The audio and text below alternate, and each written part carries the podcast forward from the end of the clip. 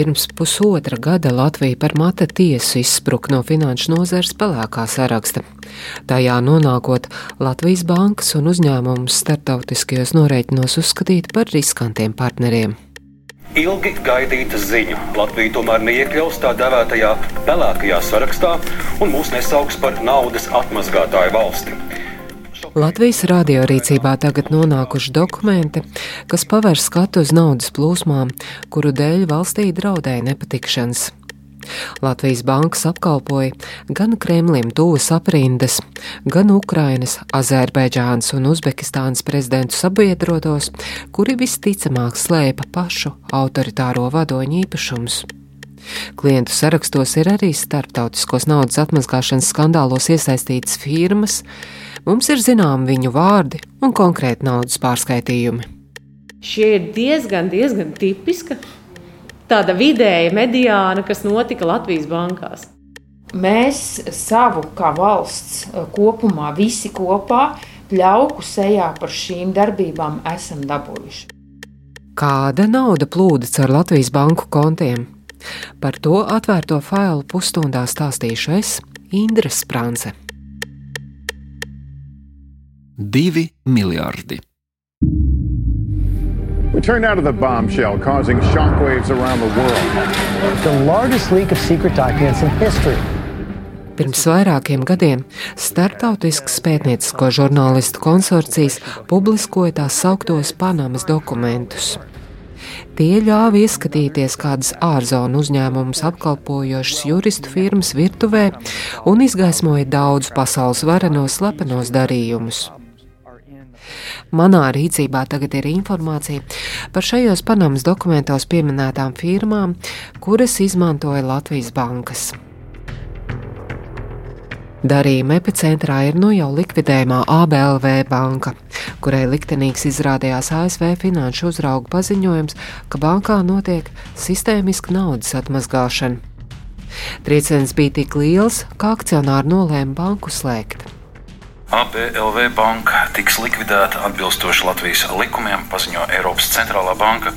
Latvijas varas iestādes gadiem ir pievērušas acis uz naudas atmazgāšanu, tā vēsta pasaules mediji.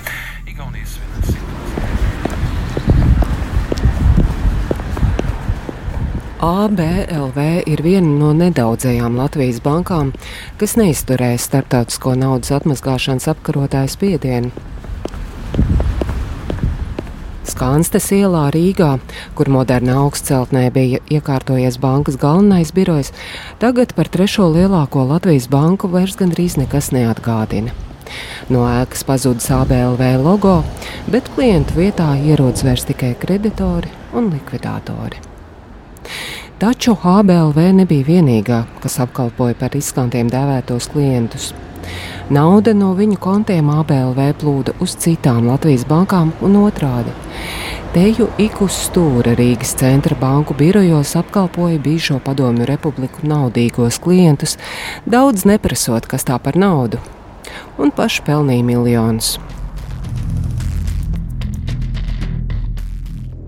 Man pieejamie dokumenti ir par starpbanku maksājumiem laikā no 2013. līdz 2018. gadam, tātad piecus gadus pirms ABLV aizvēršanas. Zem lupas ir 110 klienti, kas kopumā veikuši naudas pārskaitījumus nepilnu 2 miljārdu eiro apmērā. Kopējā naudas plūsmā šos divus miljardus var salīdzināt ar pilienu jūrā, tomēr tie ļauj ielūkoties Latvijas banku klientu sarakstos. Un nekas glaimojošs mūsu finanšu sektoram tas nav. Daļa no šiem pārskaitījumiem bijuši klientiem, kuru vārdi figurē ārvalstu medijos publicētās naudas atmazgāšanas schēmās. Citi atrodami minētajos Panamas dokumentos. This was a really important leak. We had emails, we had passport scans, we had corporation documents. Fakts, ka firmas nosaukums atrodas Panamas dokumentos, pats par sevi nenozīmē, ka tās pārskaitījums ar Latvijas finanšu sektoru bijis naudas mazgāšana. Taču šādus klientus uzskata par augsta riska. Offshore čauliņas nereti izmanto, lai slēptu īpašniekus, legalizētu ienākumus un nemaksātu nodokļus. Šo 110 klientu nauda plūdus ne tikai caur ABLV, bet vēl sešām Latvijas bankām. Un tās ir Citadelas Latvijas un Lietuvas filiāls, Blue Orange Bank, Rietumbanka, Svetbanka Latvijas un Igaunijas filiāls, Baltika International Banka un šobrīd likvidējumā PNB banka. Gadsimta zādzība un citi darījumi.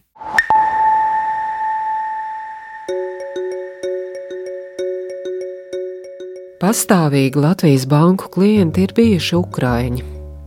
Manā sarakstā ir piemēram firmas, ko saista ar prominentu Ukraiņas politiķi Viktoru Medvedčuku. Viņš ir ciešs Kremļa sabiedrotais. Pats publiski stāstījis, ka Krievijas prezidents Vladimirs Putins ir viņa meitas krustāvs.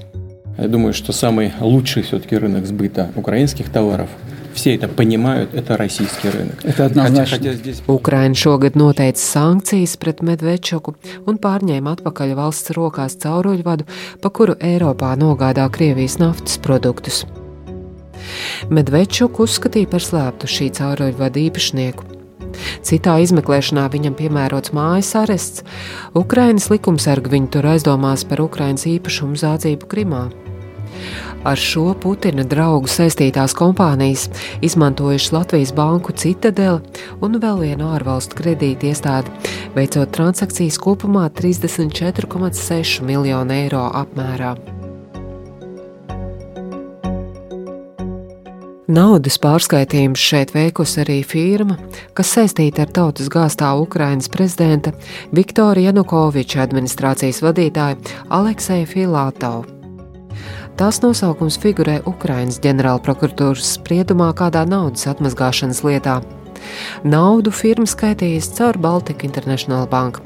Transakcija kopējās summas mērāmas desmitos miljonus eiro. Naudas atmazgāšanas schēmas Austrum Eiropā ir pētījis žurnālists Pols Radu, viens no organizētās noziedzības un korupcijas izpētes centra dibinātājiem. Tā ir organizācija, kas apvieno pētnieciskos žurnālistus no vairākām valstīm. About, uh, 2008, Sākot no 2008. gada līdz pat nesenam laikam Baltijas bankas, jo īpaši Latvijas bankas, tika izmantotas vērienīgās naudas atmazgāšanas schēmās. Tas ir tas, ko mēs organizētās noziedzības un korupcijas izpētes centrā saucam par laundromātiem. Tika izveidotas sistēmas, kā noslēpt politiķu, biznesmeņu, kas nevēlas maksāt nodokļus, un arī organizētās noziedzības naudu. and uh, well. Saka Pols Radu. Viņš uzsver, ka nevar komentēt mūsu rīcībā esošās konkrētās transakcijas, bet dalās ar saviem novērojumiem par Latvijas finanšu sektoru. We've um, identified over the years Gadu laikā mēs esam identificējuši daudzus organizētās noziedzības pārstāvjus, politiķus un politbiznesmeņus, kas izmantojuši ABLV, Trasta Komercbanku, Baltic International Banku un citas. Šīs bankas nav ar pienācīgu rūpību uzraudzījušas savus klientus un dažos gadījumos pat līdzdarbojušās, radot infrastruktūru liela apjoma naudas atmazgāšanai. Un, kad es saku naudas atmazgāšanas infrastruktūra, es domāju sistēmu, kurā tiek piedāvātas ārzonas firmas, kuru patiesie īpašnieki nav uzskaitīti. Tās ir čauliņas, kur darbojas pilnvarotie. Viņu identitāti izmanto norādot šos cilvēkus kā direktorus vai kapitāla daļu īpašniekus. Šīm ārzonas firmām ir konti bankā, un arī šie banku konti daudzos gadījumos ir reģistrēti uz pilnvarotajiem. Tātad īstajiem labuma guvējiem nav redzama nekāda saikne ar personām, kas parādās bankas reģistros. Piemēram, jūs Kievas pievārtē varētu atrast nabadzīgu vīru, kura paraksts ir pie bankas konta Latvijā, taču viņam pašam par to nav ne mazākās nojausmas. Tas viss darīts, lai paslēptu reālos šīs naudas īpašniekus. Šīs čauliņas nereti figurē fiktīvos darījumos, kuros apgrozīti miljardi. these bank accounts, in order to function, they needed some supporting paperwork. Lai tas viss darbotos, ir vajadzīgs atbalsts dokumentu kārtošanā. Daudzos gadījumos rēķini ir fiktīvi. Piemēram, offshore A dokumentos norādīts, ka viņi nosūtījuši automašīnas uz offshore B, kuram ir konts Trasta Komercbankā vai ABLV vai citās Latvijas bankās. Bet patiesībā nekāda tirdzniecība nav notikusi, nekādas automašīnas nav nosūtītas, nekādas preces nav nosūtītas. Tas viss būs fiktīvs, lai pamatotu naudas plūsmu no viena konta uz otru. Šādā veidā caur šiem pārskaitījumiem tiek paslēpta arī reālā naudas izcelsme. Dažos gadījumos mēs esam identificējuši naudu, kas nozagta Krievijā vai no valsts budžeta Ukrainā, vai pat naudu, kas pieder kriminālajām organizācijām. Šo sistēmu, kas plaši izmantot Latvijā, bet ne tikai, Pols Rado salīdzina ar interneta pārlūku toru Līdzīgi kā tas ļauj anonimizēt lietotāju gaitas internetā, šie finanšu sektora pakalpojumi ļāvuši ietekmīgiem cilvēkiem slēpt naudas izcelsmi un atmazgāt to.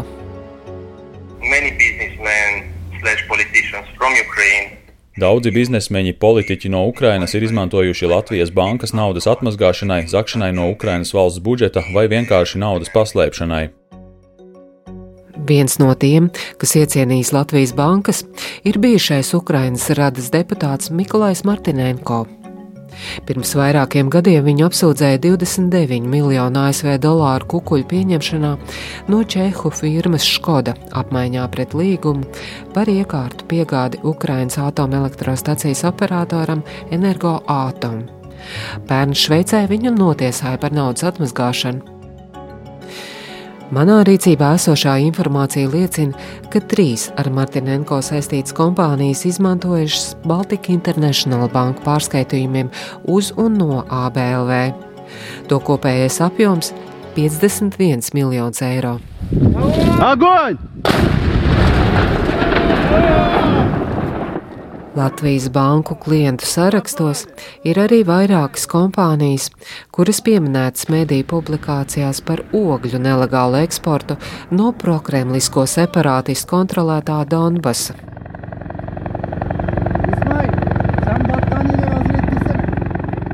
Pirms nepilniem trīs gadiem Melnajā jūrā pie Turcijas krastiem avarēja zem Panamas karoga peldošais kuģis Volga Balta 214. Padomu laikā būvētais kuģis ar ogļu kravu uzklāja, bija ceļā uz Turciju, bet neizturēja vētras spēku. Bojā gāja četri apkalpes locekļi, pārējos izdevās glābt. Kapıları kapatalım arkadaşlar. Birer kişi Kuģa avārija aktualizē ne tikai jautājumu par kuģošanas drošību, bet arī ogļu nelikumīgu izvešanu no Ukrainas austrumu daļas, ko kontrolē Krievijas atbalstītie separātisti. Ukrāņu mēdīs Antikora vēsta, ka valdības nekontrolētajās teritorijās ogles uzpērk tirgotāji no Krievijas un tālāk tās pārdod Eiropā jau kā Krievijā iegūtas. Šādā veidā Krievija atbalsta separātistus. Darījuma ķēdēs iesaistītas dažādas firmas. To vidū svarīga loma ir divām savstarpēji saistītām kompānijām, kurām bijuši konti nu jau maksātnespējīgajā PNB bankā un joprojām strādājošajā Blue Orange Bank. Transakcijās uz un no ABLV kompānijas pārskaitījušas miljonus. It started a decade ago when a mysterious criminal group figured out a foolproof scheme to steal millions of dollars. Latvijas finanšu sektors apkalpojas arī firmas, ko saista ar Vjačeslavu Platonu. Cilvēku, kurš ir atslēgas figūra tā dēvētajā gadsimta zādzībā no Moldovas bankām. Moldovā tas bija milzīgs skandāls, kas beidzās ne tikai ar triju banku slēgšanu un iedragāja visas valsts ekonomiku, tas sagrāva arī daudz cilvēku atbalstu Eiropas Savienībai. Skandālā bija iepīts populāras pro-eiropiskas partijas līderis un citi augsta līmeņa politiķi. Pie atbildības gan izdevās saukt tikai nedaudzus, Vjačeslavs Platons ir viens no viņiem. Moldovas tiesa viņam piesprieda 18 gadus cietumā par zakšanu un naudas atmazgāšanu. Platon is one of the architects of um, the laundromat. Platons bija viens no šīs sistēmas arhitektiem, bet tur bija arī citi. Viņam bija draugi, kuri vēlāk vērsās pret viņu un kļuva par ienaidniekiem. Platona lomu komentēja Pols Radu. Moldovas augstākās tiesas spriedumā, ar kuru notiesāts Platons starp kompānijām, kuras kontrolējuši gadsimta zādzības organizatori, minēta arī firma, kurai bijis konts bankā Citadele. Pēc Latvijas radio rīcībā esošās informācijas no tās uz ABLV kontiem pārskaitīti 9 miljoni eiro. Bet ko par šiem klientiem saka pašas bankas? Sen aizvērta lapuse. Vai tiešām?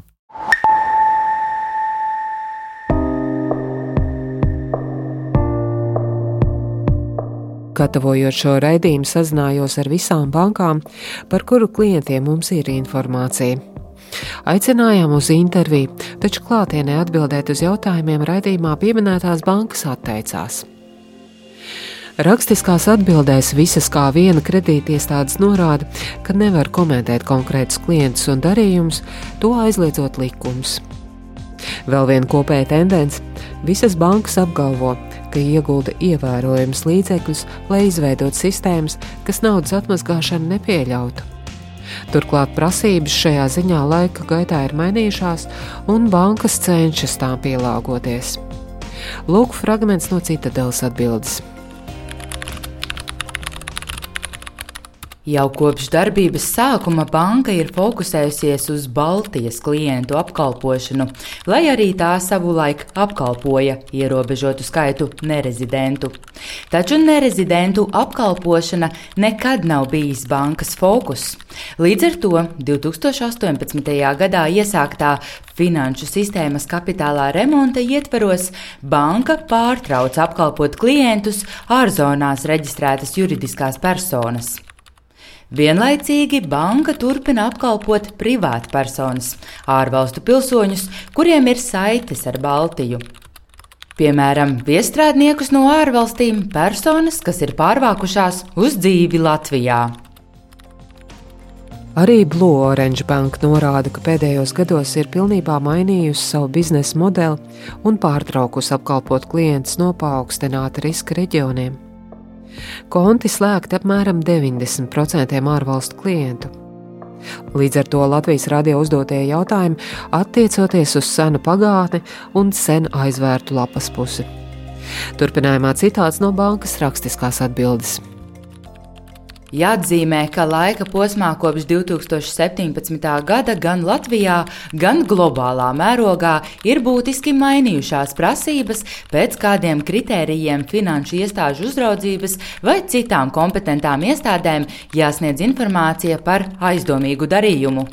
Tāpēc bankas vadība uzskata, ka piecu līdz astoņu gadus vecus darījumus ir jāvērtē atbilstoši tā laika likumdošanai un prasībām, un to nepārtraukta aktualizēšana un iztirzāšana šobrīd tikai grauj finanšu iestāžu kopējo reputāciju, rada sabiedrībai maldinošu iespaidu kopumā par to banku darbību, kuras klientu darījumu kontrolē nepārtraukti iegulda lielus resursus. Baltika International bankas atbilde ir lakoniska. Banka visas prasības ievēro. Banka turpina un turpinās aktīvi un sistemātiski īstenot aizsāktos procesus un pasākumus iekšējās kontrolas sistēmas pilnveidošanai, piemērojot kompleksu pieeju jebkādu neatbilstību novēršanai un to turpmākajai nepieļaujamībai, bankas atbilstīgas darbības nodrošināšanai. Garos paskaidrojumos neieslīgst arī maksātnespējīgās PNB bankas administrators Vigo Krastīņš un norāda. Varu apstiprināt, ka jūsu norādītās kompānijas nav reģistrētas maksātnespējīgās PNB bankas kreditoru reģistrā. Tātad uz bankā palikušo naudu tās nepretendē. Lai arī bankas raksta, ka dara visu iespējamo, lai naudas atmazgāšanu nepieļautu, visas šeit minētās kredītiestādes pēdējos gados ir saņēmušas lielāku vai mazāku sodu par pārkāpumiem. Blue Orange un Baltika International banka sodu izpelnījušās pat divreiz. Lielāko sodu, 3 miljonus eiro, savulaik samaksāja ABLV, bet mazākais piespriests Citadelē - virs 600 tūkstošiem eiro. Savulaik sodīta arī PNB banka, un starptautisko un nacionālo sankciju pārkāpumi bija viens no iemesliem, kāpēc šīs bankas darbību apturēja.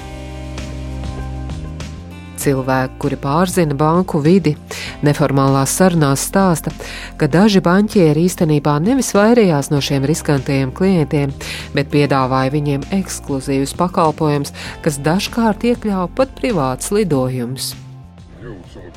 Man ir vislabākās atmiņas par šo banku. Ļoti laba apkalpošana, Tā stāsta viens no bijušajiem ABLV klientiem, ārvalstniekiem, kura identitāte mums ir pamats aizsargāt. Tādēļ viņa balss ir pārveidota. Šis klients naudu no ABLV izņēma dažas nedēļas pirms bankas slēgšanas. Информационное поле вокруг АБЛВ, оно было Informācija par ABLV bija slikta, lai arī bankā visi bija pārliecināti, ka viņi izkļūs no šīs situācijas. Līdz pēdējam bija pārliecināti.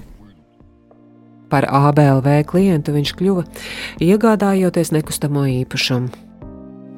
Latvija vilinājas ne tikai ar pazīstamo vidi, iespējams sazināties krieviski un nostalģiskām bērnības atmiņām, bet arī ar termiņu uzturēšanās atļaujām.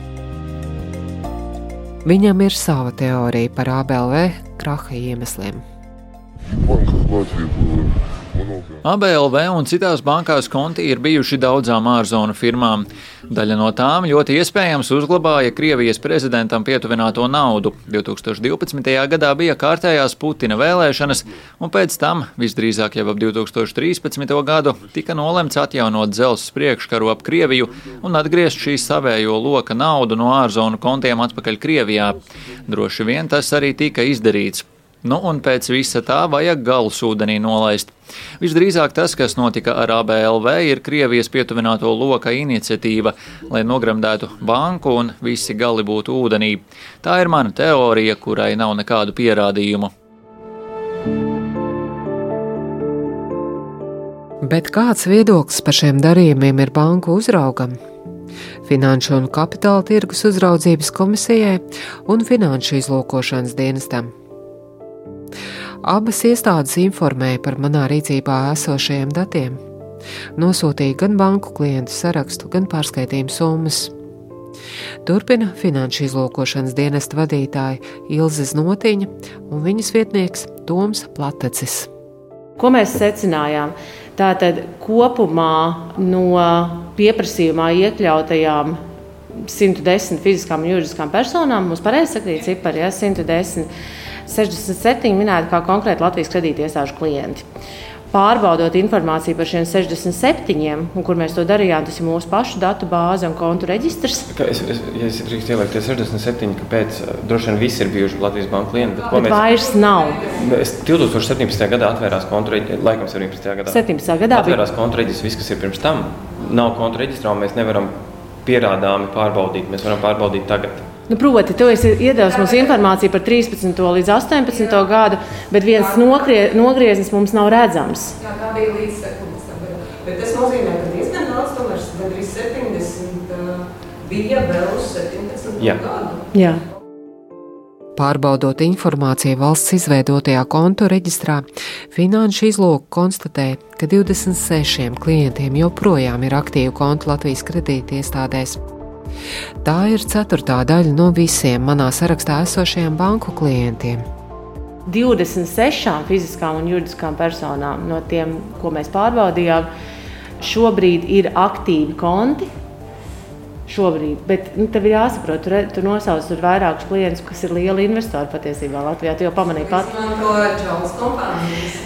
Un tur ir jautājums par to, vai um, teiksim, tā, 13, 14, 15 gadā fakts, ka viņi piemēram izmanto nezinu, kaut kādu zemu nodokļu jurisdikciju, vai tas obligāti nozīmē, ka viņi pārkāpj likumu? Droši vien, ka nē. Jautājums, protams, ir par nodokļu, vai tas ir nodokļu nolūkā vai kādā citā nolūkā, bet uh, aizliegt sadarbību ar čaulu kompānijām un aizliegt sadarbību, vai čaulu kompāniju izmantošana vēl joprojām nav aizliegta. Visā pasaulē nav. Starp aktīvajiem kontiem daži ir arī likvidējumās ABLV un maksātnespējīgās PNB bankas klientiem. Var noprast, ka ļoti skandalozu personu starp viņiem gan vairs nav. Vai šīs te transakcijas, kuras mēs redzam, Vai tur nav notikusi naudas mazgāšana? Viens no indikatoriem vai kaut kādas aizdomas par to, ka klients ir vai viņa darījumi ir aizdomīgi, varētu būt tas, vai mēs esam saņēmuši ziņojumu par aizdomīgu darījumu. Diezgan identificējoši ir, ka mēs esam saņēmuši tātad kopējais STR skaits pārsniedz 80 aizdomīgu darījumu ziņojumus par šiem klientiem apkalpojot manā sarakstā esošos klientus. 14 gadījumos bankas atturējušās no kāda darījuma veikšanas, 23 gadījumos esot veikušas padziļinātu izpēti, bet par 15 personām finanšu izlūkošanas dienas nosūtījis ziņojums tiesību sargājošajām iestādēm. Rezultātā sākti 16 krimināla procesi. Finanšu izlūkošanas dienests norāda, ka tā rīcībā ir informācija par visām ABLV transakcijām. Taču apjoms ir milzīgs, un klientiem individuāli nav vietas cauri. No manis atsūtītā saraksta dienests testa veidā pāanalizējis pirmos 30 klientus. Un no pirmiem 30 paņemot šīm personām, 43% uzreiz jau figurē uh, visādi veidi līkos. 43 tātad ļoti augsts procents. Tālāk mēs redzam, ka viens no 30 figurē Moldovas bankas krāpšanas lietā, viens no 30 ir PLG OFAC sankciju subjekts, viens no 30 ir UK Velsas tiesas spriedums par visu aktīvu iesaldēšanu. Nu, Nav tā, ka starp mūsu teiksim, tā, tā pieredzi, tagad analizējot likvidējumu un maksātnespējīgo banku, uh, Es neteiktu, ka šie ir absolūti kaut kādi kritiski, nu, tādi uzkrītošie klienti, kur man liktos, o, ir saraksts. Tā man nav, tāda man nav sajūta. Šie ir diezgan, diezgan tipiska tāda vidēja mediāna, kas notika Latvijas bankās. Savukārt Finanšu un Kapitāla tirgus komisijas vadītāja Santa Purgaila uzsver, ka tas viss ir pagātne mēs savu kā valsts eh, kopumā, visi kopā, pļauku sejā par šīm darbībām esam dabūjuši. Mēs esam bijuši tur, kur mēs eh, bijām, cīnoties par neiekļūšanu pelēkā sarakstā. Mēs esam izķengāti un izvazāti, teiksim, publiski sodīti eh, ar, ar, ar teiksim, šo te komunikāciju par mums, kā par valsti, kas piedalījās un atbalstīja tajā laikā šāda veida teiksim, finanšu darbības. Tagad situācija esot labāka. Es domāju, ka uzraugs mēs esam arī auguši un, un attīstījušies īpaši pēdējo divu gadu laikā. Mēs esam pilnīgi uh, transformējuši gan metodoloģijas, uh, tā saucamai ikdienas uzraudzībai, gan metodoloģijas, kā mēs veicam pārbaudes, jā, kā mēs identificējam riskus. Uh, Es domāju, šī sistēma strādā ļoti labi. Šajā raidījumā pastāstīja tikai par nelielu daļu Latvijas banku riskanto klientu. Nākamās nedēļas atvērtajos failos tematu turpināšu un pastāstīšu, kādus Azerbaidžāns, Uzbekistāns un Krievijas klientus mūsu bankas ir apkalpojušas. Radījumu veidoja Indra Sprānce, Anita Brauna un Reinis Budze atvērtie faili.